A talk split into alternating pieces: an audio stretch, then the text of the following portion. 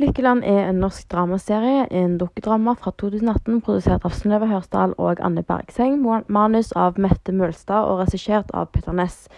Uh, serien kan vi lett knytte opp til den realistiske tradisjonen. Serien tar sted i Stavanger under oljeeventyret i 80-90-tallet.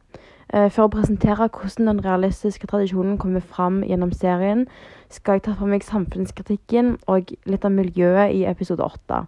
Det største kjennetegnet av den realistiske tradisjonen er jo nemlig problemer under debatt.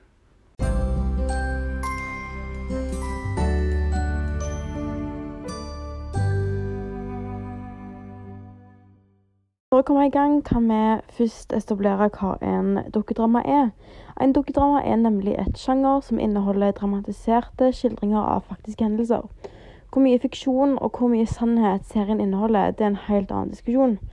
Men i Lykkeland så ser vi likevel at de store, viktige hendelsene blir skildra. Noen av de mest sanne delene av serien kan man si er samfunnskritikken som speiles gjennom serien. Dukkedrama kan vi si er veldig typisk for realismen. Det er nemlig gjennom drama og spenning at de blotter sannheten og kritikken mot samfunnet. Den realistiske tradisjonen har uh, selvsagt endra seg gjennom tidene. Eh, tanken om en kompleks karakter kom ikke til før 1900-tallet. Men noen ting har holdt seg likt, og det er søkelyset på samfunnskritikk og miljø. Dette skal vi se nærmere på. En av de mest tydeligste samfunnskritikkene som kommer fram, er fattig vs rik. Et eksempel på hvordan dette her temaet stadig ble tatt opp under realismen, er f.eks. i romanen 'Villanden'. Kritikken mot klasseskillet i Lykkeland ser vi derimot fra begge sine sider, men vi blir påvirka til å tenke kritisk mot de rike gjennom hovedpersonen. Hovedpersonen Anna er datteren av en bonde som er i ferd med å gifte seg inn i en rik familie.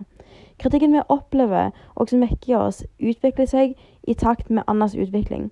I begynnelsen ser vi hvordan hun vil jobbe seg vekk fra hennes røtter og opp i samfunnet. Etter hvert ser hun urettferdighetene, og hun har, og hun har en stor endring i karakteren hennes gjennom at hun trekker seg vekk fra de rike. Dette her gjør at skillet oppleves sterkere. Et viktig eksempel på hvordan vi ser de ulike meningene og de ulike posisjonene deres, er en diskusjon mellom faren til forloveden hennes og Anna sjøl. De diskuterer hva som er best å gjøre med oljepengene, der de har veldig ulik mening ut fra hvor de kommer fra. Niemann mener at oljen skal styres av private selskaper, sånn at han og de rike får mer penger, mens Anna mener at godene burde gå til alle. Vi ser òg klasseskillet gjennom hvordan den rike familien ser ned på hennes familie og hennes røtter, som viser seg de store forskjellene mellom dem. Vi ser hvordan dette skillet øker og forsterkes gjennom korrupsjon, som er enda en kritikk serien retter mot samfunnet. Korrupsjon og kritikk til penger er nemlig òg veldig sentrale tema for denne perioden. I Villanden kan vi f.eks. se at den rikeste karakteren klarer å lure seg ut av straff og skylde på en av de fattige. Dette er òg noe som skjer i Lykkeland. Pengene blir satt under debatt. I Lykkeland ser vi hvordan de rike blir grådigere og grådigere jo mer smak av oljen de får. I episode åtte ser vi at Christian feirer suksessen til selskapet hans, mens han tilsynelatende ikke jobber godt eller hardt, og får godene uten å jobbe for det. Tidligere i serien ser vi nemlig at han har fått disse her pga. at faren manipulerte aksjene hans til å gå opp. I episoden nevner òg f.eks. Rettdal at et statlig oljeselskap hindrer korrupsjon av oljepengene. Og etter at dette her er noe Nyman var for, ser vi hvordan de rike ønsker å bli rikere gjennom urent spill. Dette her går jo imot hele poenget med realismen, som er sannheten, og blir derfor malt som noe veldig negativt. Tidligere i episoden ser vi jo òg eksempler på hvordan pengene splitter familier. Vi ser altså hvordan pengene forandrer folk. Nyman går fra å virke som en rettferdig og gavmild person til å nærme seg korrupsjon. Eh, det er altså pengene som gjør han til en dynamisk karakter. På samme måte eh, gjør pengene Anna til en dynamisk karakter. Anna i begynnelsen ble sett på som en veldig blyg person, og gjør det hun blir bedt om. Jo mer penger hun får smak på, jo mer risikable valg gjør hun, og hun begynner å leke med ilden ved å blande seg inn i konflikter og, om økonomi og olje. Til slutt ser man at hun innser det her sjøl, og dermed trekker seg tilbake. Hun ser altså at Pengene er noe negativt, og påvirker oss seerne til å bli kritiske til det samme. Denne tiden var et spesielt preget av klasseskille og penger pga. oljen. Dette førte videre til at religion kanskje ikke ble sett på som noe like høyt i samfunnet lenger. Det ble satt kritikk til kirken. Vi ser f.eks. at kirken avviser Toril som er i nød, men at videre i episode åtte ser vi hvordan kirken plutselig vil ha tilbake Toril igjen. Toril sjøl avslår dette her, som viser til en sekularisering som tok sted under realismen.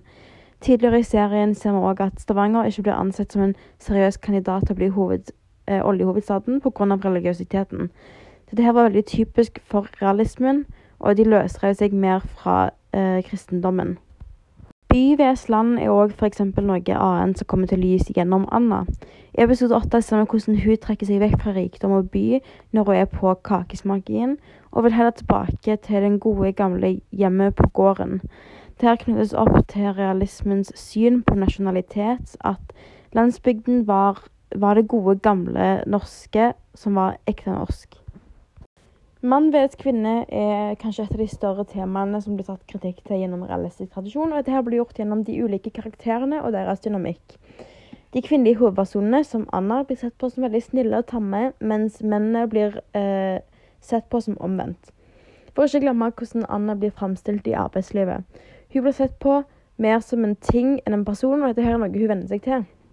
Måten episoden ender opp på, med at Anna sier fra seg rikdommen og velger å studere, knyttes opp til menneskesynet under realismen, nemlig at vi har fri vilje til å forme eget liv. Mann vs kvinne bindes òg opp med ekteskap under debatt og kjønnsrollene i ekteskapet. Det her ser vi my mye av òg i Villanden. I Lykkeland, når Anna snakker med herr Niemann om å gjøre slutt med Christian, så ser vi gjennom faren så ser vi gjennom hvordan faren snakker om Christian, om han, at han alltid kommer til å komme seint og full, at det her går fint for han fordi han er en mann, men at Anna må være kvinnen som forventes å alltid være til stede og alltid ta vare på Christian. Vi ser altså forskjellen i rollene deres med at Christian kan oppføre seg som en eh, ungkar, mens Anna må være den voksne som tar vare på han. Eh, det at hun i det hele tatt er den eneste som er med på bordplanleggingen til bryllupet deres, viser til de ulike rollene deres. Et annet viktig eksempel på hvordan kvinnene på jobb et annet viktig eksempel på eh, kjønnsrollene i arbeidslivet er hvordan eh, de, eh, de, kvinnene på jobben feirer graviditeten til en av kollegaene deres. Og Anna blir overraska over at kvinnen derfor skal slutte for alltid. Og at dette ikke er noe flere reagerer på. Et annet eksempel på ulik fordeling av kjønn i arbeidslivet er hvordan hun ble forventa å tømme og servere mennene som feirer at Stavanger endelig er blitt oljehovedstaden. Et annet eksempel igjen er hvordan det er forventa at Toril skal gifte seg og flytte til Mexico, fordi hun er en kvinne, og dette her er det som blir sett på som meningen med livet hennes. Barn utenfor ekteskapet var jo òg noe som ble tatt mye opp i realismen, som f.eks. var med i Villanden. Generelt ender vi opp med tanken om forsterkelsen av kvinner, som bindes tett opp med meningen bak, mange, bak mange realistiske verk. Noe som òg var veldig typisk for realismen, var at miljøet var borgerskapets stuer. Eh, Dette er ikke noe vi finner noe tegn til i Lykkeland, i og med at flere av karakterene er av den rike gruppen, og ikke den øvre middelklassen. Handlingen tar mer sted i overklassens stuer. Eh, kanskje det her er for å lage en større kontrast mellom Anna og Christian, i og med at den, de indre karaktertrekkene hennes sier at hun flau over hvor hun kommer fra, gjennom endring av dialekten hennes. Jeg tror òg at eh, de har gjort det sånn fordi mye av samfunnskritikken blir retta mot eh, de øverste i samfunnet, og det er derfor viktig å sette lys mot de.